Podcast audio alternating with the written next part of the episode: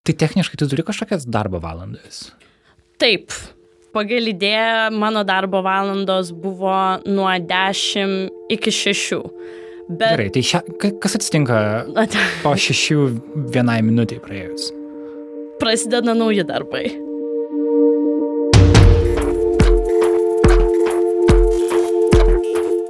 Ačiū, kad įsijungėte Nailo podcastą. Jį kūrė žurnalistų kolektyvas Nanuk. Šiandien kalbėsime apie perdegimą ir tai, kas anglakalbėje žiniasklaidoje vadinama millennial burnout.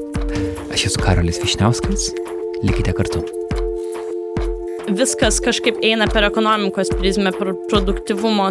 Tu esi vertas tiek, koks tu esi vertingas, pavyzdžiui, darbdaviu. Naila podcastą išlaiko patys klausytojai per Patreon platformą. Šią savaitę prisijungia Raiki Bartaitė. Patreon sistemoje galite pasirinkti, kokią sumą norite prisidėti prie podcast'o. Prisijungti galima adresu patreon.com/nanuk multimedia kaip vienas žodis. Ačiū visiems tai jau padariusiems.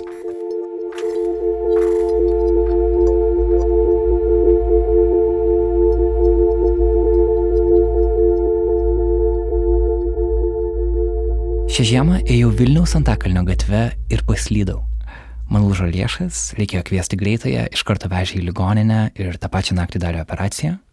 Buvo baisu, bet kartu, belaukiant operacijos, buvo keistai gera tiesiog gulėti ligoninės lovoje ir žinoti, kad šią sekundę tu nieko kito ir negali daryti. Kad visi interviu, kuriuos buvai suplanavęs, visos studijos valandos, kurias buvai rezervavęs, viskas turės palaukti. Dabar yra metas ilsėtis ir pasirūpinti savimi, nori tu to ar ne. Tai buvo priverstinė pauzė, kurios daugelis vadinamųjų milenialų arba, skambiai tariant, tūkstantmečio karto žmonių, jaunųjų profesionalų, o gal kartais tiesiog tinginiais laikomų žmonių, nebemoka susikurti patys. Perdegimas ir pervargimas yra problema tiek JAV, tiek Vakarų Europoje, tiek ir Lietuvoje. Jauni žmonės, net ir turintys sėkmingas karjeras, jaučiasi, jog jų gyvenimas tarsi nebepriklauso jiems, Ir netgi paprastas poilsis tampa tiesiog dar vienu darbu, kurį turi atlikti. Klausimas, ar galima gyventi kitaip? Kaip atsimti savo gyvenimą savo? Tam tirti mes skirsime du Nailo epizodus. Pirmoji mūsų pašnekovė yra Marija Silk arba Marija Šilkūnaitė. Užaugusi Vilniuje, ji studijavo Londone, o dabar gyvena New York'e. Ji dirba kino filmų viešintoje, tu ją nuolat gali sutikti kino festivaliuose. Tai skamba kaip svajonė, Tačiau štai kaip Marija savo gyvenimą prisimena dar visai neseniai. Aš, sakykime, tenai pabaiginėdavau darbo užduotis, pavyzdžiui, pir, iki pirmos valandos nakties. Ir tada man būdavo sunku užmigti dėl to, kad aš apie tai visą laiką galvodavau.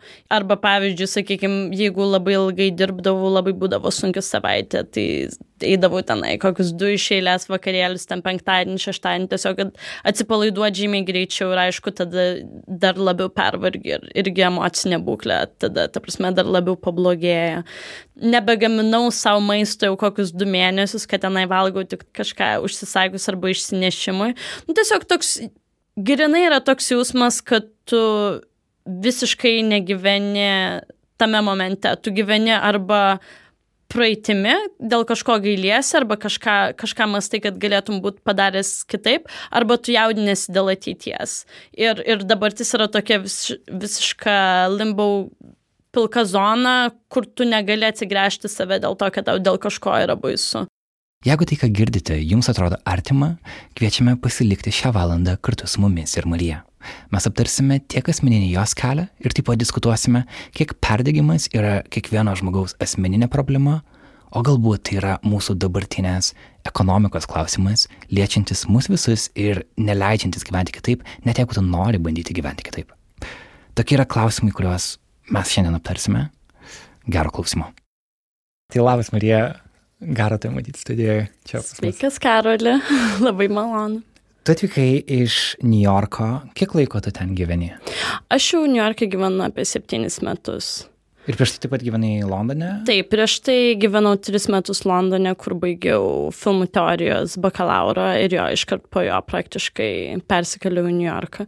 Ir užaugai Vilniui? Taip, užaugau Vilniui, jo, iki 18 metų gyvenau, mokiausi Vilniui. Aš turiu daug klausimų apie, žinai, stresą ir kitus netokius malonius dalykus, bet mhm. kai aš seku tavo uh, veiklas iš šono, man jie atrodo malonus visų pirma, nes tu... Žinoma. Net tu uh, esi aktorių, režisierių pasaulyje. Gali papasakot, kaip tavo veikla New York'e per tuos pastaruosius septynius metus atrodė, ką tu veikiai? Na, iš pradžių aš dariau šiek tiek praktikos, kokius penkis galbūt mėnesius. A, tada įsidarbinau mažoji filmų platinimo kompanijoje ir tuo pat metu marketingo. Su jom dirbau kokius maždaug irgi du metus. Vėliau šiek tiek užsėmiau laisvai samdomą veiklą, freelance, tai dariau social media consulting, tai socialinių tinklų, ta prasme, ir, ir managing, ir consulting, tai realiai dirbau prie to, irgi šiek tiek dariau marketingo, o vėliau paskutinius tris metus dirbau mažoj butikiniai filmų PR kompanijoje. Ir taip mes, mes dirbam prie arthausinių meninių filmų ir užsienio, ir Amerikos, ir daug dokumentinių. Mes dirbam kino festivaliuose arba, sakykime, su kino platinimo kompanijom prie, ta prasme, filmų leidimo ten jau New Yorko rinkoje, kino teatruose. Bet tu sakai, kad jie yra maža kompanija, bet tu dirbai su tokiais filmais, kurie ir Oscarams nominuoti yra, pavyzdžiui, filmas Shoplifters, kurį rodė taip pat Lietuvoje kino pavasarį, arba m, iš ankstesnių filmų buvo kokia nors ten Melancholija, berots, ar... Uh, The Square buvo. Aha. Tai žodžiu, firma vadinasi Susan Argett Film Promotion. Jie, jie šiaip labai jau ilgai dirba su tokiais filmais, su tais kaip čia vadinasi, Europos auteurs, tais autorinio kino atsigrandais. Uh, Tai taip, tai jinai yra tiesiog maža kompanija ir jinai butikinė yra tuo, kad mažai, ta prasme, darbuotojų, bet jo, mes, mes turim patirties ten dirbant su Europos tais kino režisieriais ir tiesiog labai, kaip čia pasakyti, jinai yra labai specializuota. Mes daugiausiai dirbam praktiškai vien tik tai su spauda ir iš tikrųjų nedirbam, pavyzdžiui, su socialiniais tinklais ar marketingu, tiesiog daugiausiai dirbam su spauda, tai su laikraščių kritikais ir žurnalistais, su radio, TV ir, ta prasme, ir blogeriais, bet mes va, tuo būtent ir užsiemam grinai su spauda. Tai tavo darbas yra, kad tie žmonės, kurie rašo apie filmus, kad jie atkreiptų dėmesį tuos filmus, kuriuos jūs platinat. Taip, taip. Tai mes, mes turim jau savo tam tikrą žurnalistų bazę, su, kuriuom, su kuriais mes turim, ta prasme, praktiškai asmeninius santykius. Taip, tai su jais mes ir dirbam. Mes, ta prasme, dirbam kartu su režisieriais, kartu ir su kino platinimo kompanijom pozicionuojant tuos filmus, kad tiesiog juos pristatyti ne, kaip čia pasakyti, juos neiškišti, bet tiesiog pristatyti kuo aiškiau.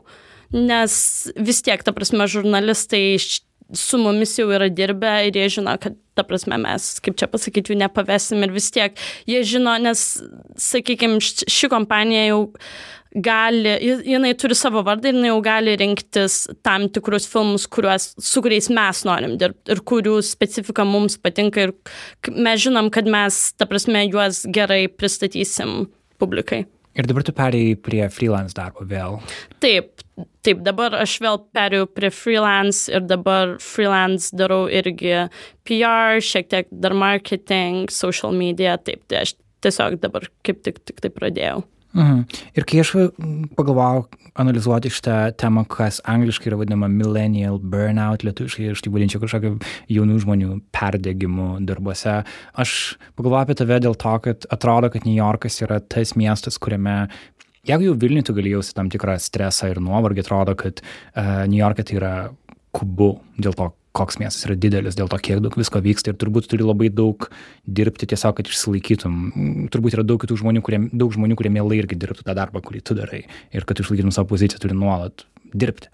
Ir uh, aš turėjau tokią nuotą, kad tai tau gali būti artima ta tema ir tu pasakai, kad taip, tai yra artima. Tai žinai, aš užuot formulavęs kažkokį specifinį klausimą tau, aš man domina tavo mintį, žinai, kiek tu apie tai esi mašysi ir vis tiek po, po šitiek metų darbe tu jau turi tam tikrus žinai, mechanizmus, kaip tvarkyti su stresu ir, ir kažką, kažką turi kažkokius būdus, kurie tau veikia. Ar gali pasidalinti tuo? Taip, um, Tai aš manau, kad čia šiaip tema, man atrodo, buvo pradėta vystyti šių metų pradžioje, kai išėjo ten liktai tas pirminis straipsnis. Šiuo metu aš neprisimenu, koks buvo tas pirmas straipsnis. Buvo labai... BuzzFeed vienas straipsnis. Jo, jo bet jo, tada, bet tada jau buvo ir ten ir Guardian, ir daug kur kitur. Taip, ir tada visi diskutavo vėliau jo nuo jo. Tai ta prasme, aš prisimenu, aš skaičiau tą straipsnį ir iš tikrųjų aš jį beskaitydama man pradėjo kilt pačiai tas nerimas ir anxiety ir aš galvoju, o dieve, iš tikrųjų taip ir yra. Straipsnis prasidėjo nuo to, kad, kaip žinia, Amerikoje dabar yra labai daug nerimo dėl politinės situacijos ir straipsnis prasidėjo nuo to, kad 27, man atrodo, tenai buvo vaikinas, jo citata buvo iš kito straipsnio, kad atsit jisai neprisiregistravo balsuot vien tik tai todėl, kad kažkaip niekad neišsiuntė tos formos. Ir jį draugai stumė ir jisai bandė, bet jis kažkaip, jinai tą Taip. formą gulėjo ir jisai jos tiesiog Kad neišsiuntė. Jo ilgame darbų sąraše užsiregistruoti balsavimui buvo dalykas, bet jis Taip. galiausiai nepriejo iki jo. Taip, ir jam dėl to yra labai gėda. Dėl to, kad čia yra iš tikrųjų, nu, ta prasme, toks labai svarbus dalykas, ypač dabar JAV. Ir aš labai tai atpažinau, dėl to, kad irgi pas mane ir mano darbų sąraše, čia netgi ne vienas darbų sąrašas. ir mano tam darbų sąraše yra tiek dalykų, kuriuo aš asmeniškai nepadariau. Ir vėliau, kai vystėsi straipsnis, tiesiog buvo pokalbis apie tai, kad yra tas burnout, tas perdegimas ir jis pasireiškia tuo, kad man asmeniškai, aš, aš pajaučiu, kad man jis pasireiškia tuo, kad, sakykime, labai aš pastebėjau savo dien, dienose ir savaitėse, kad aš, ta prasme, grįžtu iš darbo ir tiesiog nieko praktiškai nedarau, anei, sakykime, žiūriu kokių filmų ar ko ir aš nesuprantu, kaip praeina, pavyzdžiui, kokias 3 valandos, 4 valandos, o aš tiesiog kažką skorinu Facebook'e, nu, darau tiesiog tokius dalykus, kurių net negalėčiau pasakyti, ką darau, dėl to, kad mano kažkaip jaučiasi, kad visiškai smegenis atsijungusios, nu, nėra emocinių jėgų tiesiog kažką, ta prasme, daryti. Ir vėliau, beskaitant straipsnį, aš atpažinau daug dalykų jame dėl to, kad iš tikrųjų jie, jie mini tai, kad yra didžiulė konkurencija ir, ir tai, kad ta konkurencija verčia jau, jaunus žmonės tiesiog bandyti įrodyti savo aplinkai, kad mes viską galim padaryti geriau, greičiau, ta prasme giliau ir parodyti kažkokį naują, naują būdą, kaip dirbti. Tai labai sekina dėl to, kad ten irgi buvo minėta, kad visą parą vos neatsakinėjai į e-mail žinutės, ten elektroninį paštą, visą laiką tu būni on visą laiką vykdai kažkokį darbą ir vėliau asmenin... Tai pereina, aš manau, iš tikrųjų tas toks nesugebėjimas atsijungti šiaip nuo darbo pereina ir į asmeninį gyvenimą. Kai tu, sakykime, pavyzdžiui, savo santykius su draugais irgi pradedi traktuoti kaip darbą, sakykime, galbūt tu žymiai labiau kreipi dėmesį į savo santykius su tais draugais, kurie, sakykime, dirba tavo industrijoje ir tu žinai, kad, sakykime, jeigu tu susitiksi su tuo žmogum, tai galbūt tau bus šiek tiek naudingiau vėliau. Aš manau, tai yra natūralu ir vis, vis tiek visi taip daro, bet šiek tiek, kai tu apie tai pamastai iš savo asmenybės pusės, iš savo draugų ir emocinės pusės, tai pasidaro taip šiek tiek baisu, dėl to, kad tu nori būti autentiškas, o tas, tas sakykime, pastovaus darbo kultūra šiek tiek, aš manau, čia aišku, šiek tiek stereotipiška, bet tu pradedi jaustis kaip robotas ir šiek tiek Tai, nu, sudėtinga su tuo susitaikyti ir iš emocinės, ir iš dvasinės pusės. Tai techniškai tu turi kažkokias darbo valandas. Taip, pagal idėją mano darbo valandos buvo nuo 10 iki 6. Bet Gerai, tai šia, ka- kas atsitinka po šešių vienai minutiai praėjus? prasideda nauji darbai. Dažniausia. Gerai, tai galvojant pagal visą darbo reguliavimo idėją, tai jau yra viršvalandžiai, už kurias turėtum gauti papildomą atlyginimą. Žinai, aš tiesą sakant neskaičiau New Yorko valstijos įstatymų, bet man atrodo, kad, sakykime, New Yorko valstijoje gal, gal netgi ir nėra tokių įstatymų. Nėra tokio dalyko kaip viršvalandžiai. Aš manau, kad iš tikrųjų tai nėra reglamentuota. Tai, tai skamba kaip labai amerikietiškas dalykas, ar ne? Nes Taip. jeigu mes galvojam apie kažkokius ekonominis skirtumas tarp, pavyzdžiui, kokio nors Prancūzijoje esančio mąstymo ir, žinai, stipraus ten darbininkų judėjimo versus amerikietiškas idėjas, kad jeigu nori dirbti, tai tu turi visą laisvę tai daryti. Kita Taip. vertus, galima galvoti, kad, nu, jeigu nori būti New York'e, tai ir turi dirbti. Tai yra, ko šitas miestas reikalauja ir kodėl tu skundės. Jo, man atrodo, netgi, netgi pati ta koncepcija, jeigu, jeigu tu nori dirbti, tu turi visas teisės dirbti. Tai man atrodo, netgi yra tie įstatymai, kurie atpalaidavo tuos darbdavio ir darbuotojų santykius, man atrodo, netgi ir vadinasi right to work laws. Kas reiškia iš tikrųjų, kad, pavyzdžiui, darbdavys tave gali atleisti visiškai be priežasties ir jam net nereikia pateikti jokios priežasties. Gerai, teisė dirbti jav yra Čia tokia double speak, dvi kalbė. okay, tai kalbant apie teisę nedirbti, ar jauni žmonės turi teisę nedirbti? Mm, lab, labai keistas klausimas iš tikrųjų. Aš niekada dar nesusimaščiau apie tai dėl to, kad aš tiesą sakant, kai jau buvau suaugus, kai jau, kai jau buvau darbingo amžiaus, kai baigiau universitetą, aš tiesiog pradėjau realiai dirbti New York'e. Ir aš manau, šis klausimas man nekilo, nes aš iš tikrųjų važiuodama ten žinau, kad bus labai mažai socialinių garantijų. Aš pasidomėjau ir, ir tai man netrodė tuo metu nieko blogo, dėl to, kad kai dar nesidirbęs, tu to labai nori. Aš prisimenu, aš labai buvau, ta prasme, man toks buvo entuzijazmas nuvažiuoti tenai ir, ta prasme, aš net negalvoju apie jokius viršvalandžius. Aš tu tiesiog, tiesiog džiaugiesi, kad esi geriausiam pasaulio mieste. Taip, labai džiaugiausi ir, ir kai buvau pasamdyta, labai džiaugiausi, kad buvau pasamdyta. Ir iš tikrųjų tas entuzijazmas, aš manau, ir man buvo, ir mano bendramžiam, ta prasme, ir Europoje, ir JAV. Tiesiog buvo dėl to, kad tuo metu, kai mes baigėm universitetą 2012, man atrodo, tuo metu kaip tik ekonominė krizė šiek tiek baigėsi šiek tiek ir Europoje, ir JAV, ta prasme, ekonomika atsigavo.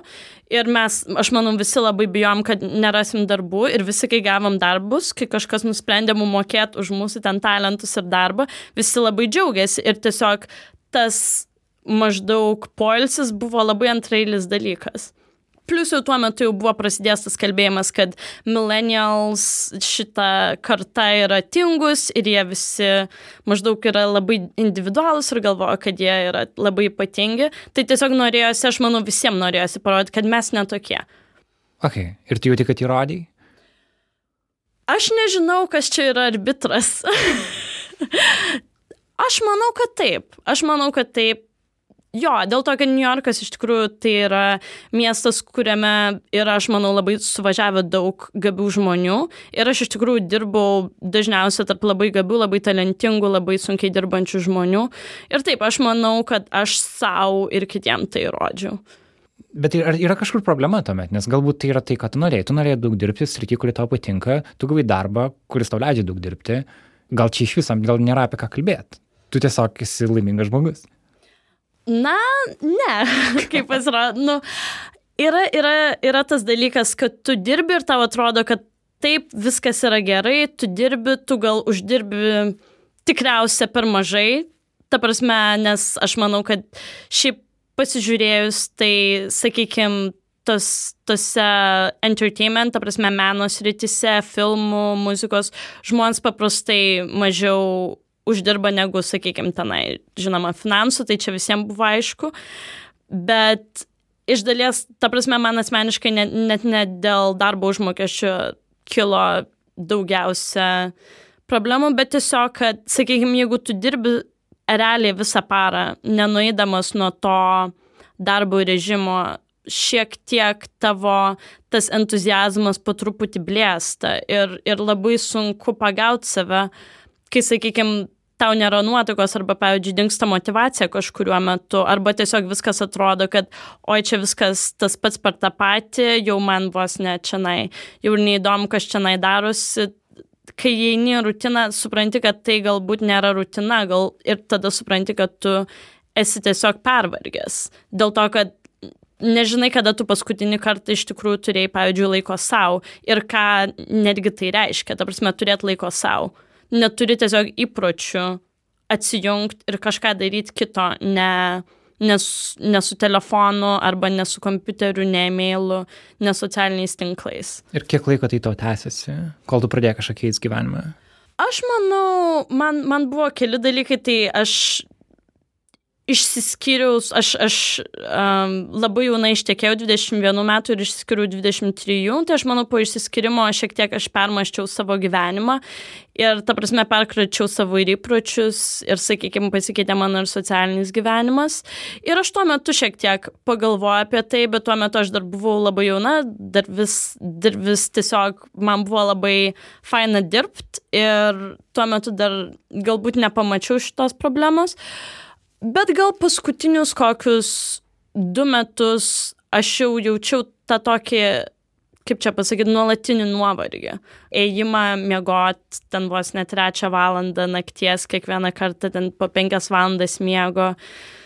Ir jo, ir, ir šiek tiek, ta prasme, man pasimatydavo tai, kad tiesiog, nu, paprasčiausias dalykas sunku atsipalaiduoti ir sunku atsigręžti save, net, netgi kai bandai vis, vis tiek yra sudėtinga. Bet kodėl tu tai darai? Ar tu darai, nes tave spaudžia tavo um, vadovė ar vadovas, ar tu darai tai, nes tu nebežinai, kaip kitaip galima gyventi? Aš manau, tai yra ab, abipusiai dalykai. Aš manau, kad taip, mano, mano sakykime, darbdavė taip buvo, buvo daug spaudimo dėl to, kad mūsų kompanija iš tikrųjų buvo labai maža, bet aš manau, kad tai nebuvo kaž, kažkoks išskirtinis labai dalykas, bet iš tikrųjų aš manau, tai daugiausia atėjo iš manęs pačios, dėl to, kad taip. Nes galbūt tie e-mailų atsakinėjimas, galbūt kažkokio kontaktų misgimas yra, žinai, kai tu tai darai pakankamai ilgai, turbūt tai ir tampa tai, kuo tu esi. Tu tampi gera tuose dalykuose ir tai tau, nu, tu nori jas tęsti, ar net, bet man atrodo, kad mes kalbame apie tai, kad darbas tampa tavimi iš esmės, kad visa kita, kas yra aplinkui gyvenime, dings ir tu esi tik tai darbas. Iš tikrųjų, tas ir įvyko dėl to, kad aš kažkurio metu pamaščiau, aš, man atrodo, kažkas manęs paklausė, ar turiu kokių hobių. Ir ta prasme, aš nežinau, nu, nes kai dirbi su filmais, tai atrodo, va čia filmai yra tavo hobis, nes tu eini tenai, žiūri viską, bet iš tikrųjų aš kitokių hobių iš vis neturėjau anei sportavau, anei, nu, ta prasme, eidavau į koncertus, kultūra buvo mano hobis, bet iš tikrųjų kažkokių tai kitokių hobių visiškai neturėjau ir aš supratau tada, kiek, kiek vietos mano gyvenime užima iš tikrųjų mano darbas. Tačiau aš nepasakyčiau, ta prasme, aš išaugau tokio šeimoje iš tikrųjų, kur daugiausia, sakykime, mano tėtis yra daktaras ir, ir, ir dėsto tuo pat metu, tai jo visas gyvenimas buvo jo darbas, o mano senelis buvo dėstytojas ir irgi jo visas gyvenimas buvo darbas. Tai, sakykime, tai man buvo, kaip čia pasakyti, siekėjimybė. Bet aš tiesiog, aš manau, kad jie išaugo šiek tiek kitų laikų.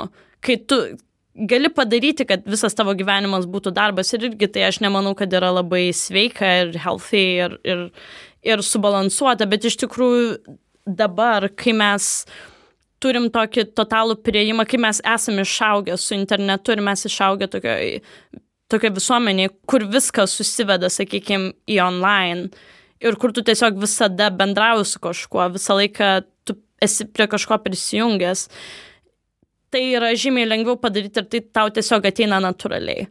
Nes, ta prasme, laisvalaikis, sakykime, toks kaip susilieja su darbu, viskas yra vienoje sferoje. O nebandai ves kažkokių savo um, žinai, interneto naudojamos taisyklių. Neseniai um, skaičiau interviu su Okasija Cortez, jinai sakė, kad nustojo naudoti Facebooką savo kompaniją ir šiaip sako, sakė, kad nustojo naudoti Twitterį savaitgaliais, nes suprato, kad tai kenkia jos psichiniai sveikatai. Ir turbūt, galbūt mes kaip visuomenė artėjom prie to taško, kad įvesim taps, uh, tarkim, nežinau, sekmadieniais naudoti Twitteriu ir Facebooku taps tiesiog gero, žinai, sa, sa, kaip sakyti, sa, savisveikatos dalimi. Taip, self-care. Taip, gal, gal ar, ar tu kažką bandai su to daryti, ar bandai mes kažkokius limitus ir kaip to sekės taip, taip padaryti? Iš tikrųjų, taip, aš, aš kai jaučiau tą nuolatinį nuovargį, aš iš tikrųjų kelis dalykus pradėjau daryti prieš kelius metus. Aš išbandžiau meditaciją ką aš, ta prasme, darau iki šiol šiek tiek, bet ne, ne taip dažnai. Nu, iš tikrųjų, aš, aš manau, kad reikėtų dažniau, bet iš tikrųjų tai man labai padėjo. Aš kokius pusmetį pastoviai medituodavau iš ryto 20 minučių. Iš karto atsikėlus, tai man iš tikrųjų labai labai padėjo. Ta prasme, nes aš, aš asmeniškai jaučiu savo gyvenimą, yra labai daug tokio emocinio triukšmo visą laiką galvoj. Ir tai man padėdavo šiek tiek, kaip čia pasakyti, išvalyti visą tą nu, noise, tą triukšmą. Ir tiesiog, ta prasme, aš galėdavau labiau mąstyti ne tai, kas yra man prieš akis, nu, tie, ta prasme, nuolatiniai trikdžiai, tie nuolatiniai, kaip čia pasakyti, emociniai notifications, kurie tave bombarduoja kiekvieną dieną. Ir man tai padėdavo daugiau galvoti, ta prasme, tolėliau. Ta prasme, kaip čia pasakyti, šiek tiek subalansuodavo emocinę būklę. Ir kaip tu sakęs pačioje pradžioje? Ar tau buvo? Pačioje pradžioje labai reikėjo prisiverst. Aš buvau tokiuose kursuose Transcendental Meditation, tenai buvo David Lynch Foundation, tai mus tenai praktiškai jau vertė, sako, iš tikrųjų, nes kad, kad ta prasme, išsiugdytum įprotį tai daryti, tai iš tikrųjų yra labai sunku. Ar Linčas, Linčas pats medituoja irgi? Ar? Taip, jisai jau labai medituoja, sako, maždaug nepraleido meditacijos, kiek tenai, jisai 20 metų. Nu, aš, ta prasme, labai gerai, aš manau, kad jį labai, kaip čia pasakyti, nu, iš tikrųjų su, tai subalansuoja, bet tai, kaip čia pasakyti, čia yra tokia dvasinė hygiena, aš manau, emocinė hygiena. Čia tas pats, kai, ta prasme, valytis tarpdančius. Mm. yra labai sudėtinga priprasti. bet iš tikrųjų reiktų. um, bet žinai, meditacija tarsi prieštarauja tai logikai, kad tu nuolatos turi dirbti, kad tai yra, žinai, kažkoks atrodo kaip laiko švaistimas. Ir panašiai, ką tu minėjai prieš tai, kodėl tu turėtum susitikti su draugais, kurie tau neduoda darbų jokios naudos.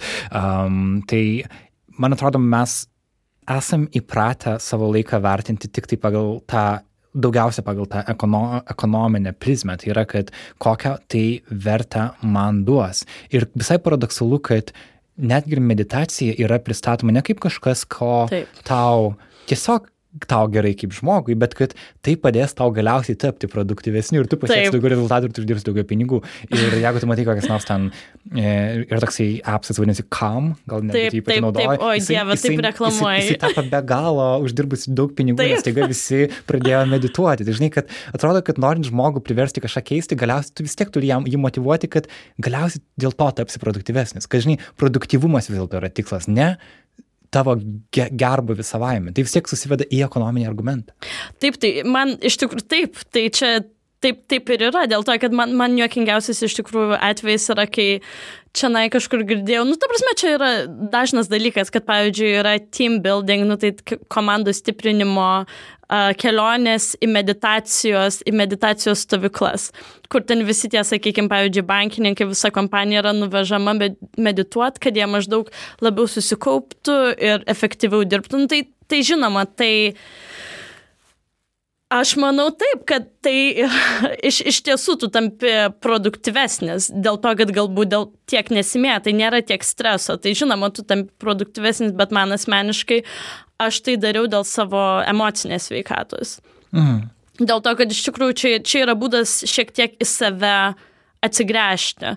Ta prasme, tai yra sunku, bet, bet jeigu, jeigu pavyksta, tai yra iš tikrųjų labai, labai geras dalykas, nes tu į save pradedi šiek tiek kitaip žiūrėti. Kaip, kaip sakykime, žmogų, kuris to vertas. Nes iš tikrųjų, kaip, kaip tu sakai, kad viskas kažkaip eina per ekonomikos prizmę, per produktivumo, tu vis tiek jau kad tu esi vertas tiek, koks tu esi vertingas, pavyzdžiui, darbdaviu, koks tu esi vertingas darbe, kiek tu esi pasiekęs karjeroje, kiek tu turi tenai, koks, koks, kokie yra tavo ryšiai su, sakykime, žmonėm, kurie, pavyzdžiui, autoritetai, kiek, kiek tu esi pasiekęs. Ir iš tikrųjų, aš manau, meditacija ir iš vis tas mindfulness, kaip čia lietuviškai vadinasi, nu, tas judėjimas, aš manau, šiek tiek uh, tave atgrėžiai patys save ir tu supranti, kad tu iš tikrųjų turi vertę, kuri yra atsieta nuo to, tu turi tą vidinę vertę savo, kaip to, žmogus. Taip, taip, vien dėl to, kad esi gyvas, tu esi, taip. tu esi vertingas. Um, o grįžtant prie, žinai, kalbant apie ekonominius dalykus, man atrodo, pažiūrėjau, ką aš savy pastebėjau, kad aš daug daugiau streso patiriu tada, kada aš žinau, kad aš neturiu pinigų, kad aš neturiu pakankamai santaupų.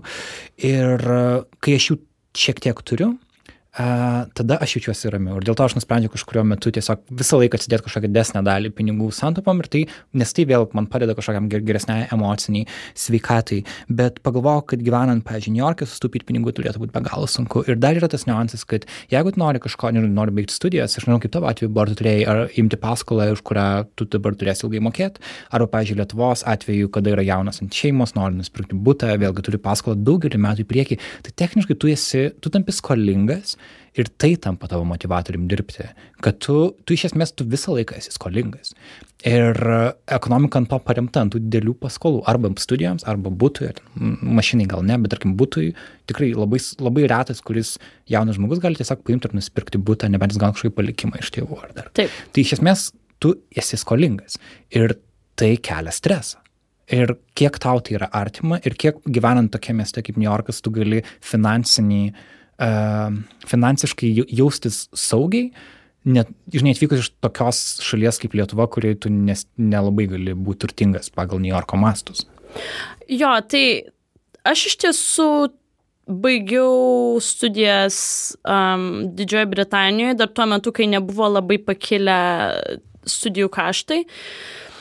Tai man ta paskola, aš ne, ta prasme, man asmeniškai nesijaučia, kad aš turiu tos skolos naštą, dėl to, kad ta skola, man atrodo, tiesiog labai yra toli ir, ta prasme, aš jos realiai nejaučiu. Dėl, ta prasme, aš ją šiek tiek atidavinėju, bet iš tikrųjų tai čia yra mano pačios pasirinkimas, aš sakykime, nu, ta prasme, ji yra kažkur, bet jinai nėra mano, ta prasme, sistemoje. Manęs ji, kaip čia pasakyti, emociškai negriaužia, dėl to, kad čia be to yra, nu, ta prasme, netoks. Ne, ne, ne toks, netokie dideli kaštai, kaip pavyzdžiui, mano ten draugai turi, sakykime, JAV, kur, kur tenai praktiškai po 50, ten 100 tūkstančių skolos. Mano buvusio vyro skola už teisės studijas buvo 2000 dolerių, kaip aš vėliau sužinojau, skiriantis. 2000 neskamba kaip labai daug. Uh, pala, 200 tūkstančių. 200 tūkstančių. 200 tūkstančių. Okay, okay. Sorry. ok, 200 Taip. tai žmogus. 200 tūkstančių dolerių čia iš vis praktiškai, nu, ta prasme, žinoma, labai turėtų būti geras darbas ir labai ilgai reiktų juos mokėti, bet aš manau, kad jisai, pavyzdžiui, šiaip aš su juo apie tai kalbėjau, jisai nelabai net pajutė, kaip tiek susikaupė tos skolos. Uh, ir jisai ją tiesiog ignoravo. Aš asmeniškai nežinau, kaip aš jausčiausi, jeigu aš turėčiau tokią skolą. Aš net negaliu to įsivaizduoti. Po kokių metų, ta prasme, gyvenimo New York'e praktiškai nuo tenai algos iki algos, sakykime, aš, aš supratau, kad labai kaip ir tu, kad, man, kad mano labai daug nerimo kyla dėl to, kad aš, aš tiesiog nežinau, nu, ta prasme, visiškai neturiu jokių ten resursų, jeigu kas nors atsitiktų ar ką, dėl to aš labai nervinausi. Ir taip, ir dėl to aš šiek tiek pakeičiau savo vartojimą, nes Amerikoje yra labai, nu, ta prasme, yra visa skolų kultūra. Kiek aš išaugau Lietuvoje, tai buvo žymiai kitoks požiūris į skolinimas ir skolas. Tai buvo tokia kaip nelaimė. Sakykime, turėti skolą yra kažkokia nelaimė ir kuo greičiau ją gražinti yra pats geriausias dalykas. Ir čia... Geriausiai ta... iki, iki kalėdų kažkaip. Taip, iki kalėdų, iki naujų, bet iki naujų. Iki naujų reikia visas skolas gražinti. Taip. Tai va, tai aš visą laiką gražindavau skolas ir man, sko, ir man skola atrodė kaip, nu, tiesiog nelaimė. Ir dėl to aš man atrodo, aš tiesiog stengiausi irgi daugiau atsidėti ir žymiai mažiau, ta prasme, vartoti. Ir tiesiog aš manau, ir ta prasme, ir iš kultūrinės pusės mano to vartojimo, kaip čia pasakyti, aš, aš dar nebuvau galbūt auka, galbūt aš neturėjau tos kultūros, šiek tiek to vakarietiško vartojimo, kur tu tiesiog, sakykime, leidi pinigus ir ta skola nėra toks didelis dalykas. Dėl to, man atrodo, man pavyko irgi atsidėti, ta prasme, kažkiek tų pinigų, dėl, dėl ko man, man labai man tas nerimas dingo realiai dėl pinigų. Ta prasme, aš, aš neturiu tikrai labai daug susitaupus, bet jeigu, sakykime, kas nors atsitiktų, aš kažkiek turiu ir man, ir man tai sukelia ramybę. Čia padarykim pauzę padėkoti mūsų partneriams. Kaip minėjau pradžioje, Nailo podcastą išlaiko patys klausytojai, tai buvo ir bus, bet mes taip pat sutinkame bendradarbiauti su verslais ir nevyriausybinėmis organizacijomis, kurių vertybės nesikerta su mūsų. Tad džiaugiamės, kad šį pavasarį prie mūsų prisijungia kompanija Shibui Partners. Kaip jie patys sako, jie yra žmogiškųjų išteklių profesionalai, šioje srityje dirba virš septynių metų. Šibui specializuojasi vadinamosiose minkštuosiuose įgūdžiuose, tokiuose kaip vadyba, komandos formavimas, darbuotojų motivavimas, taip pat vidinė komunikacija. Tad jeigu norite pokyčių savo organizacijoje, Shibui Partners gali jums padėti. Visą informaciją raskite adresu shibui.lt. Pirmas raidės yra SH. Jeigu jūsų kompanija ar organizacija nori prisijungti prie podcast'o savo reklaminių pranešimų, parašykite mums į info.etnanuk.lt. O dabar grįžtame pas Mariją Silką.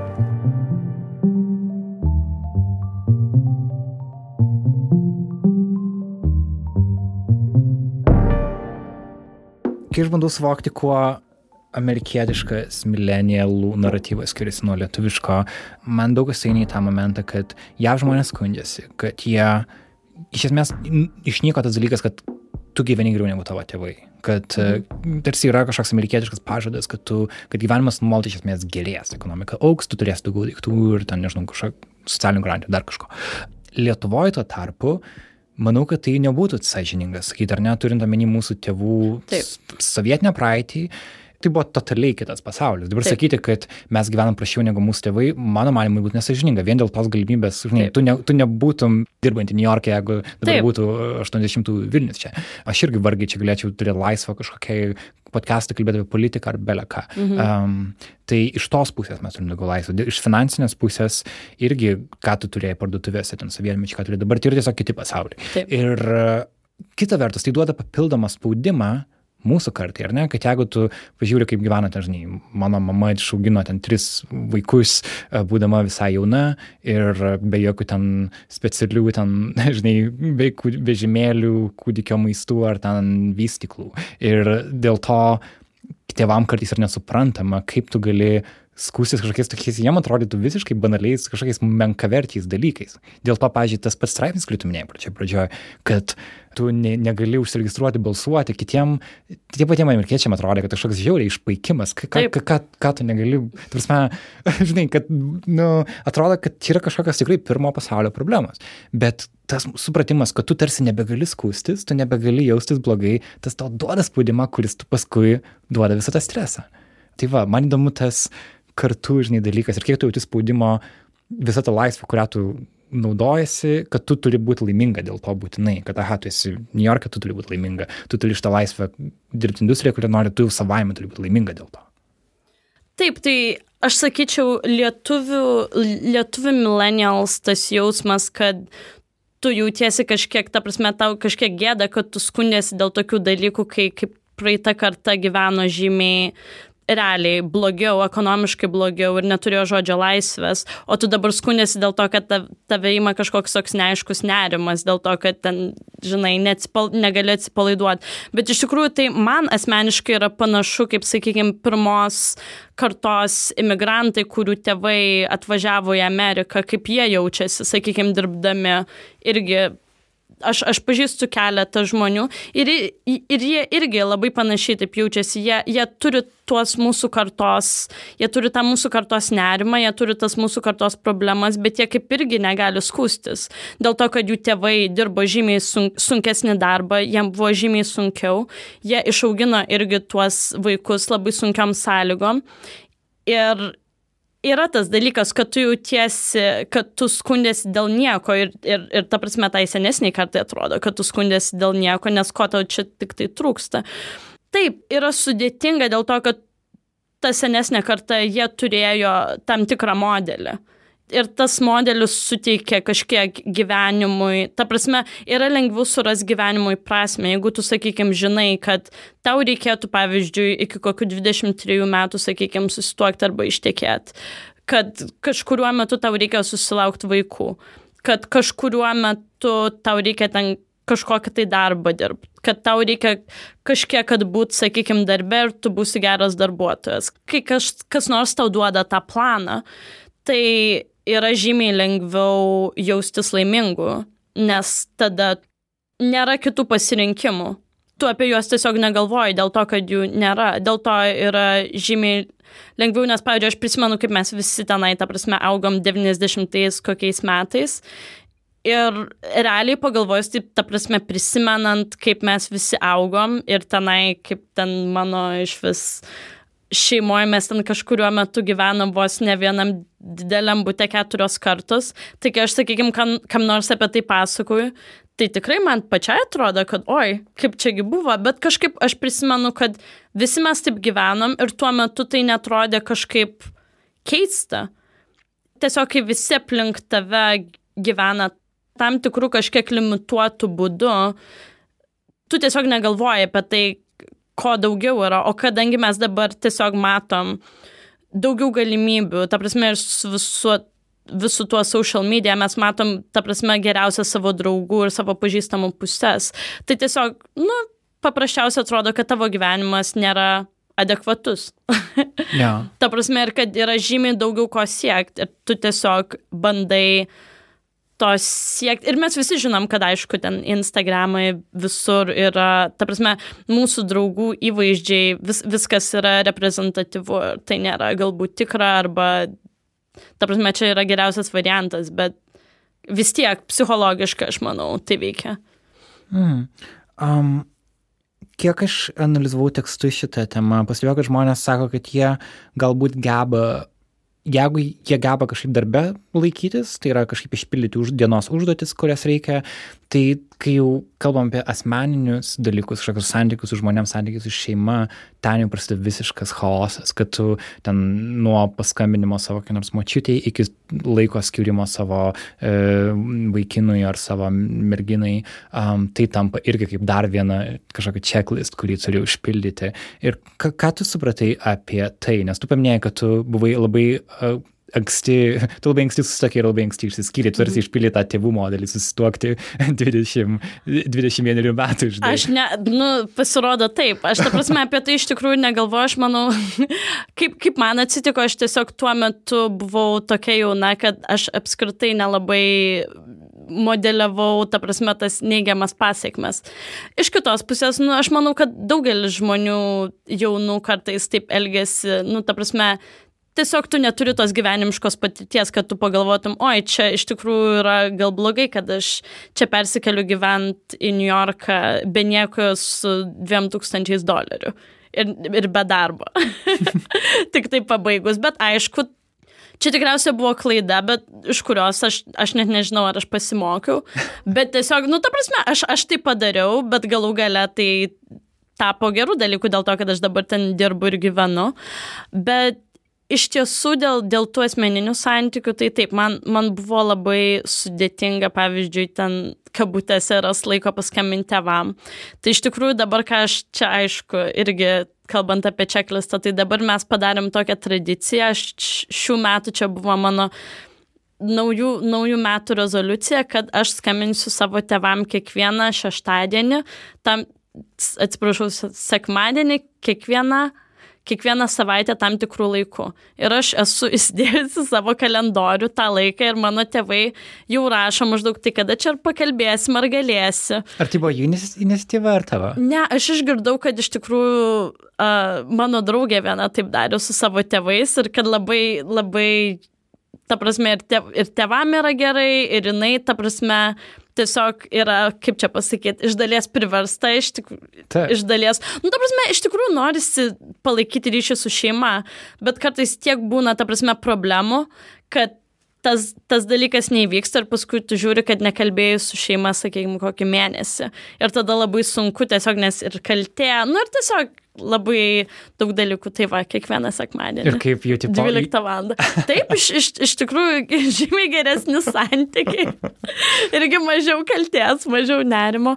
Bet iš tikrųjų dėl tų šiaip, pavyzdžiui, dėl santykių, sakykime, su partneriais arba tenai susitikinėjimo šiaip iš roman, nu, ta prasme, romantinio gyvenimo, aš, aš manau, kad yra toks dalykas, kad žmonės šiaip skirtingai, skirtingai tai vertina. Aš asmeniškai šiaip nesu ypating, a, aš dažniausiai bendrauju, draugauju su žmonėm ilgesnį laiką ir aš, kaip čia pasakyti, man tai nėra didžiulė problema.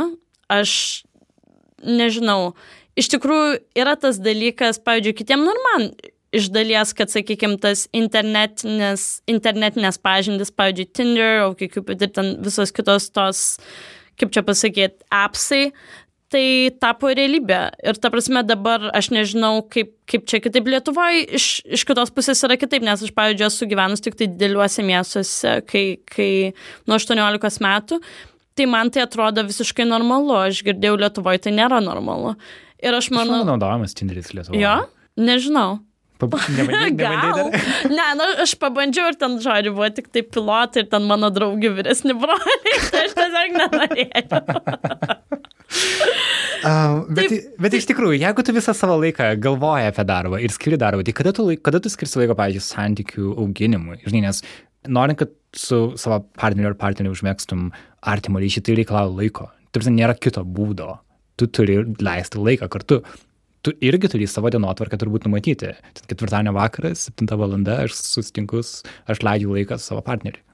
Taip, tai aš manau, aš sakau, man, man asmeniškai tai nebuvo problema, nes aš esu šiaip linkus bendrauti su partneriais, kurie, nu nežinau, man, mane tiesiog atpalaiduoja. Nu, ta prasme, tie santykiai nėra, da, kaip čia pasakyti, aš esu linkus dabar jau eiti santykius su žmonėm, kurie nėra, ta prasme, konfliktiški, su kuriais man gera būti ir kurie, ta prasme, mane atpalaiduoja. Tai, man, tai yra man vienas tokių malonių laisvalaikio leidimo būdų. Aš, sakykime, negalėčiau būti su žmogum, kuris, pavyzdžiui, labai reikalauja daug mano dėmesio, su kuriuo man būtina visą laiką bendrauti man, man patinka tokie santykiai, kurie būna šiek tiek tokie atsipalaidavę. Aš, sakykime, kur žmogus nesijaučia, kad aš ten jį apleidau, jeigu aš, sakykime, pavyzdžiui, sakykime, festivalyje ir jam nepaskaminu kokias dvi dienas.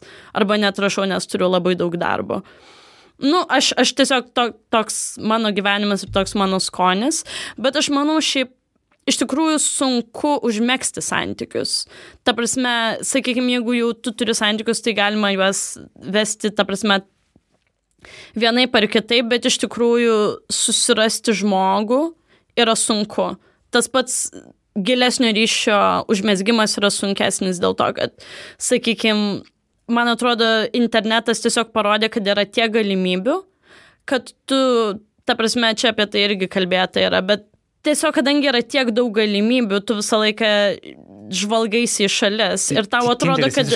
Taip, taip, taip, grinai. Tu, tu tiesiog daug skirtingų žmonių ir taip, galėjai prie kitų. Taip, daug skirtingų žmonių ir jų, ta prasme, pristatymas tau yra praktiškai vos ne viena nuotrauka ir tenai kažkiek keli žodžiai ir ten vos ne keli emodžiais kuriais jie save, ta prasme, prisistato. Ir taip labai yra lengva prieiti prie kito. Aš, pavyzdžiui, esu prieš kokius du metus ištrinus Tinderį, kai turėjau 600 mečias, su kuriais tenai ypatingai nebendravau. Ir ta prasme, nu, iš tikrųjų tai yra juokinga ir galbūt vyksta toks šiek tiek, ta prasme, nužmoginimas žmonių.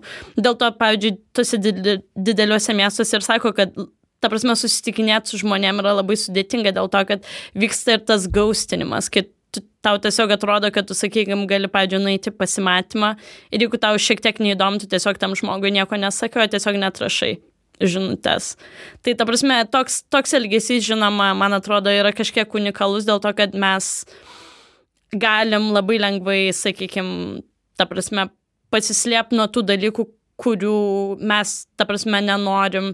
Kaip čia pasakyti, yra lengva nedaryti sunkių sprendimų, yra lengva neiti konfrontaciją, yra lengva uh, tiesiog žmogų nurašyti be jokių be, be jokios atsakomybės tam žmogui. Nes miestas yra pakankamai didelis, kad taip. jūs nesusitiktumėte antrą kartą. Taip, taip. Mm.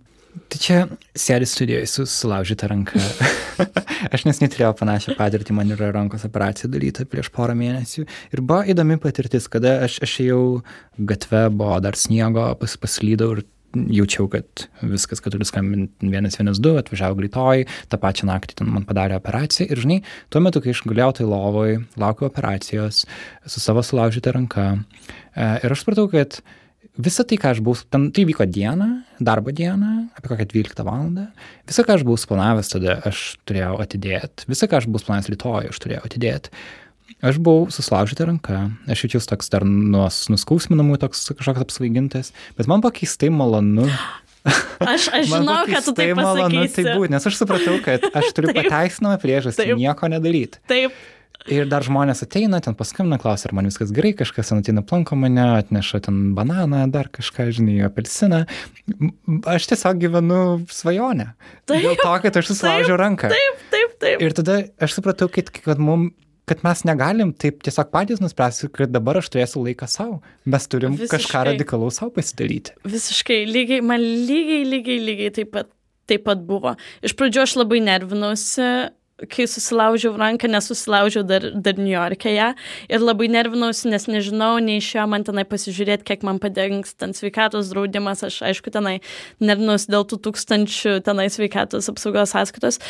Ir tada, kaip tu sakai, galbūt, kai man tenai suleido nuskausminamui, prieš ten laužiant tą ranką dar kartą, aš pajutau irgi tokį labai ramų, man nežinau, kad taip, aš, aš dabar turiu teisę turėti laiko savo aš turiu teisę atidėti tuos dalykus, tą šimtą dalykų, kuriuos, kuriuos aš buvau susiplanavus.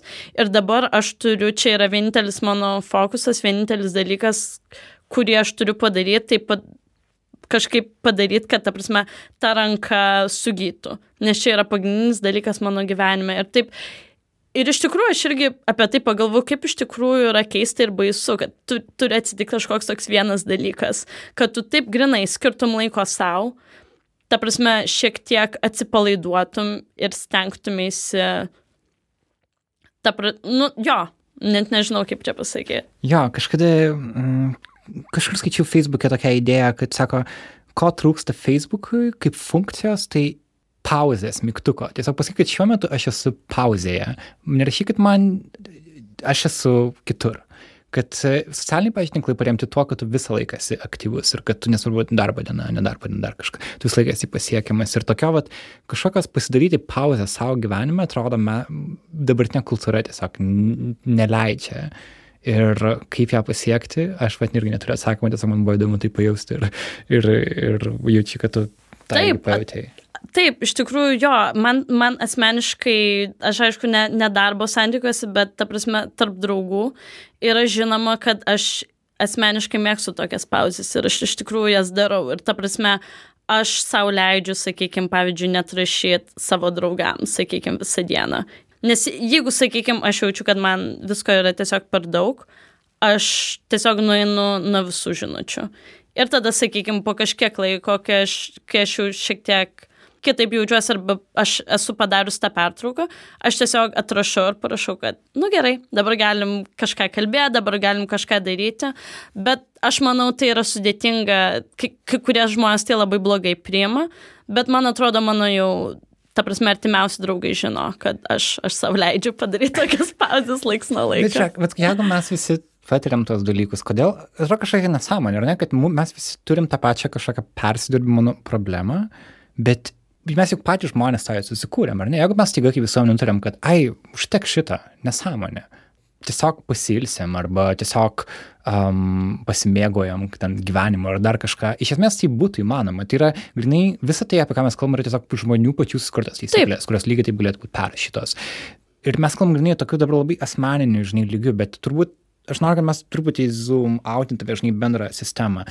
Kas lemia, kad, tokios, kad tokio, žinai, tas darbo kultūra susiformavo? Ar tai yra grinai kažkokia tiesiog va, kapitalistinė logika, kad tu nuolat turi kurti pelną, kažkokią vertę ir uždirbti pinigus, juos leisti ir vėl uždirbti naujus? Man čia galbūt atsakymas, bet kaip, žinai, tu negali turbūt veikti už sistemos ir susikurti savo ekonominę sistemą. Bet uh, galbūt mes einam kaip, žinai, kaip visuomenė link tokio taško, kur staiga kažkokie pokyčiai gali vykti. Nes visi dėl to kenčia, ar ne? Aš manau, kad žmonės kad, sakykime, kartos, kurios yra linkusios į tokius dalykus, sakykime, tą persidirbimą ir tą nuolatinį darbą, jos iš tikrųjų yra išgyvenusios kažkokias krizės. Ta prasme, mūsų karta iš tikrųjų yra išgyvenus tą finansinę krizę ir tai buvo pasaulinis dalykas ir aš manau, kad tu, kai tai prisimeni, tu žinai, kad gali tiesiog viskas labai greitai sugriūti. Ir, sakykime, netgi ir, ir gyvendam, nes dabar, man atrodo, visam pasauliu yra ekonominis pakilimas, aš čia dabar Lietuvoje su visi šypsosi, net keista. ir aš manau, tu vis tiek, vis tiek jauti tą dalyką, kad, tu, kad tau reikia labai stengtis dėl to, kad tu gali labai greitai viską prarasti. Ir aš manau, kad iš tikrųjų, pavyzdžiui, lietuvių mentalitete tai irgi atsispindi. Ta prasme, nes, nes Lietuvoje tai aš, ta prasme, net nežinau, ar iš vis buvo apskritai kada nors tokia karta, kuri krizės nepajutė. Jie, jie turėjo karus. Taip, tai dėl to ir sakoma, kad mes dabar gyvenantis Lietuvoje turim geriausią įmanomą Lietuvos variantą, bet vėlgi, aš apie kalbėjau seniau, tai tarsi atima iš tavęs teisę būti nelaimingu, nes tu turėtum džiaugtis, nes ankstesniam kartom buvo daug blogiau. Taip. Bet kodėl tai mes matom, žinai, jeigu pažiūrėtum ten savižudybų skaičius, tu pažiūrė e, psichinių, taip prasme, problemų skaičius Lietuvoje, dabar, žinai, pažiūrėjau, kino pavasarį, vienas populiariausių filmų buvo filmas apie savižudybės tematiką. Jeigu tu pažiūrė, apie ką kalbasi, um, ten, žinai, pažiūrėjau, Oleg Šraivas, populiariausias Lietuvos stand-up komikas, parašė savo tokią atvirą visiškai laišką apie jo bandymus ir kaip pastraukti iš gyvenimo. Žinai, nu, tarsi, kad tu matai daug jaunų žmonių, kurie visiškai straglina su jų psichinė sveikata ir nuostabu, kad jie apie tai kalba, nes aš manau, kad ankstesnės kartos irgi to daug buvo, bet tai buvo tabu tema. Bet, žinai, mes tai aš manau kad tai iš dalies yra na kad tai yra kaip komponentas tas žino supratimas kad dabar mes gyvenam žiauriai geriausiame lietuvos variante žinai.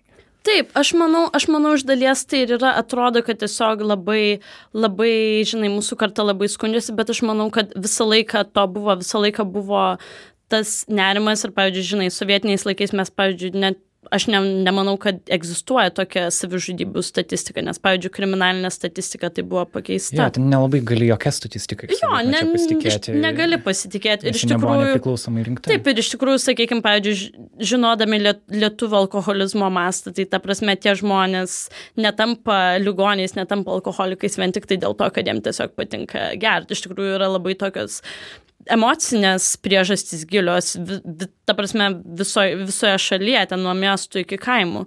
Ir iš tikrųjų aš manau, kad mes galbūt pirmą kartą, kuri mes augom tokia kaip ateities karta ir individualistai. Ir mums irgi buvo, kaip ir vakaruose, ten sakoma, kad mes esame labai individualūs, mes čia vystom kritišką mąstymą, mes čia maždaug kursim naują Lietuvą ir taip toliau ir panašiai. Ir kai tu užaugi jausdamas savo vertę, sakykime, kai tu sus, susiduri galbūt su visuomenė, kuri tos tavo vertės um, struktūrinių lygių nemato, arba, sakykime, tai iš tikrųjų yra su, sukelia tokį disonansą tavyje. Ir kadangi tu vis tiek esi, tu vis tiek esi išmokęs į save įsiklausyti ir tu, tu jauti, kad tu galbūt ta prasme, pirmą kartą čia Lietuvoje mes galbūt jaučiam, kad mes turim teisę būti laimingais, ir, bet tai, tu, aš, aš, aš manau, kad mes ties, tiesiog kalbamės apie tai ir tai atrodo, kad čia galbūt šitą kartą skundžiasi ir yra nelaiminga tik tai dėl to, kad mes galbūt esame pirmą kartą, kuris sugeba įvardinti, kas yra blogai, kad mes, mes, tur, mes turim tuos įrankius, pasižiūrėti save ir šiek tiek reflektuoti, ta prasme, kas, kas mums skauda, sakykime. Ir pavyzdžiui, aš, aš manau, labai daug, sakykime, tenai žiūrint, pavyzdžiui, ten šeimose arba tenai kažkur sakykime, žiūrint į žmonės, kurie yra iš, iš ankstesnių kartų, tu matai tas pačias problemas, bet jie tiesiog galbūt, jie, jie iš dalies nežino, kaip tai vardinti, o iš kitos dalies jie nesijaučia, kad jie verties spręs. Labai sunku spręs, kai tu net negali žodžiai įsivardinti, kas tau yra blogai. Mm. Jeigu pagalvotum apie savo draugus, kurie yra panašus amžiaus kaip tu, kokia dalis iš jų mąstyti apie tos pačius dalykus, apie ką mes mastom dabar. Gal mes esame tik du išpaikinti, žinai, žmonės norintys kažkokio lengvesnio gyvenimo.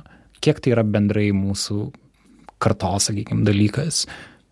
Aš turiu šiaip labai įvairių draugų ir aš manau, kad yra kokį gal 50 procentų, kurie iš tikrųjų labai daug dirba ir persidirba, ir kurie, bet kurie irgi galvoja apie, ta prasme, sako, kad man reikia gal pas psichologą, aš man atrodo, reiktų kažk kažką daryti. Reikia, ta prasme, aš man atrodo visiems jau mano amžiaus žmonėm atrodo, kad reikia kažką daryti, bet nėra galbūt ryšto arba, ta prasme, aš, aš manau, kad žmonės iš tikrųjų atsigrėžia šiek tiek į tai, kad toks gyvenimas nėra labai, kaip čia pasakyti, sustainable. Bet, o, ką, o ką kiti 50 procentų? O kiti 50 procentų, aš manau, jie stengiasi, nu, pavyzdžiui, ten mano draugai, kai kurie pradeda ten, sakykime, daryti, susiranda, sakykime, hobį kuris jam yra įdomus ir kuris irgi padeda atsipalaiduoti, susiranda kažkokią tai veiklą. Pavyzdžiui, kokį galbūt, ta prasme, sportą arba kokį ten, nežinau, labai ultra ten nežinau, ką nors tenai iš, iš odos gamina. Arba, pavyzdžiui, sakykime, ten gamina kažką kitą. Nu, tiesiog toks, toks dalykas, kur, kur tu turi padėti, sakykime, bet kokią ekraną ir tu tiesiog turi kažką daryti. Nu, ta prasme, pavyzdžiui, su, nu, tiesiog su rankom ar ten mėgst, ar kažką daryti, bet, nu, tokį analoginį. Net ne tai, kad, ta prasme, prie interneto arba kažką tokio. Jo, nes turbūt yra tas, internete yra tas jausmas, kad tu atrodo kažkas sukuri, bet tai tiesiog dar vienas turinio objektas. Jeigu tu nu, numeski mėgstinį, tai Taip. tu turi mėgstinį. Gal tai yra patarimas, kurį man reikia perdėti. Pradėkit mėgsti šalikus. Jėga, ačiū tau labai gera tave matyti. Ačiū labai, Karoli.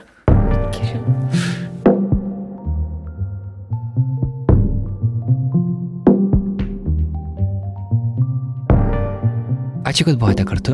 Toks mūsų epizodas šiandien. Marijos Silk fotografijas pamatykite NileLT tinklalapyje ir Nanuk Instagrame. Ja fotografavo Severina Venskutė. Pokalbį rašinėjome Nacionalinės Martino Mašvido bibliotekos garso įrašų studijoje. Mūsų garso režisierės yra Aistė Baltraitytė ir Katažina Bitoft. Podcasto muzikos autorius yra Martinas Gailius.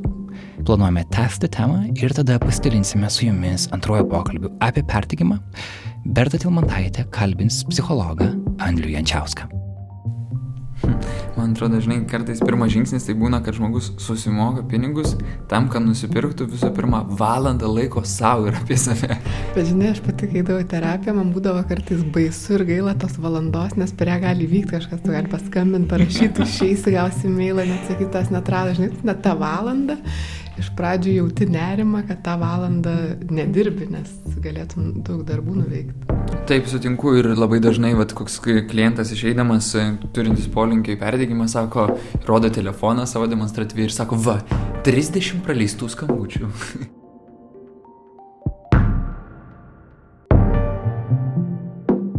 Palaikyti Nanuk žurnalistiką galite per Patreon platformą patreon.com slash nanuk multimedia.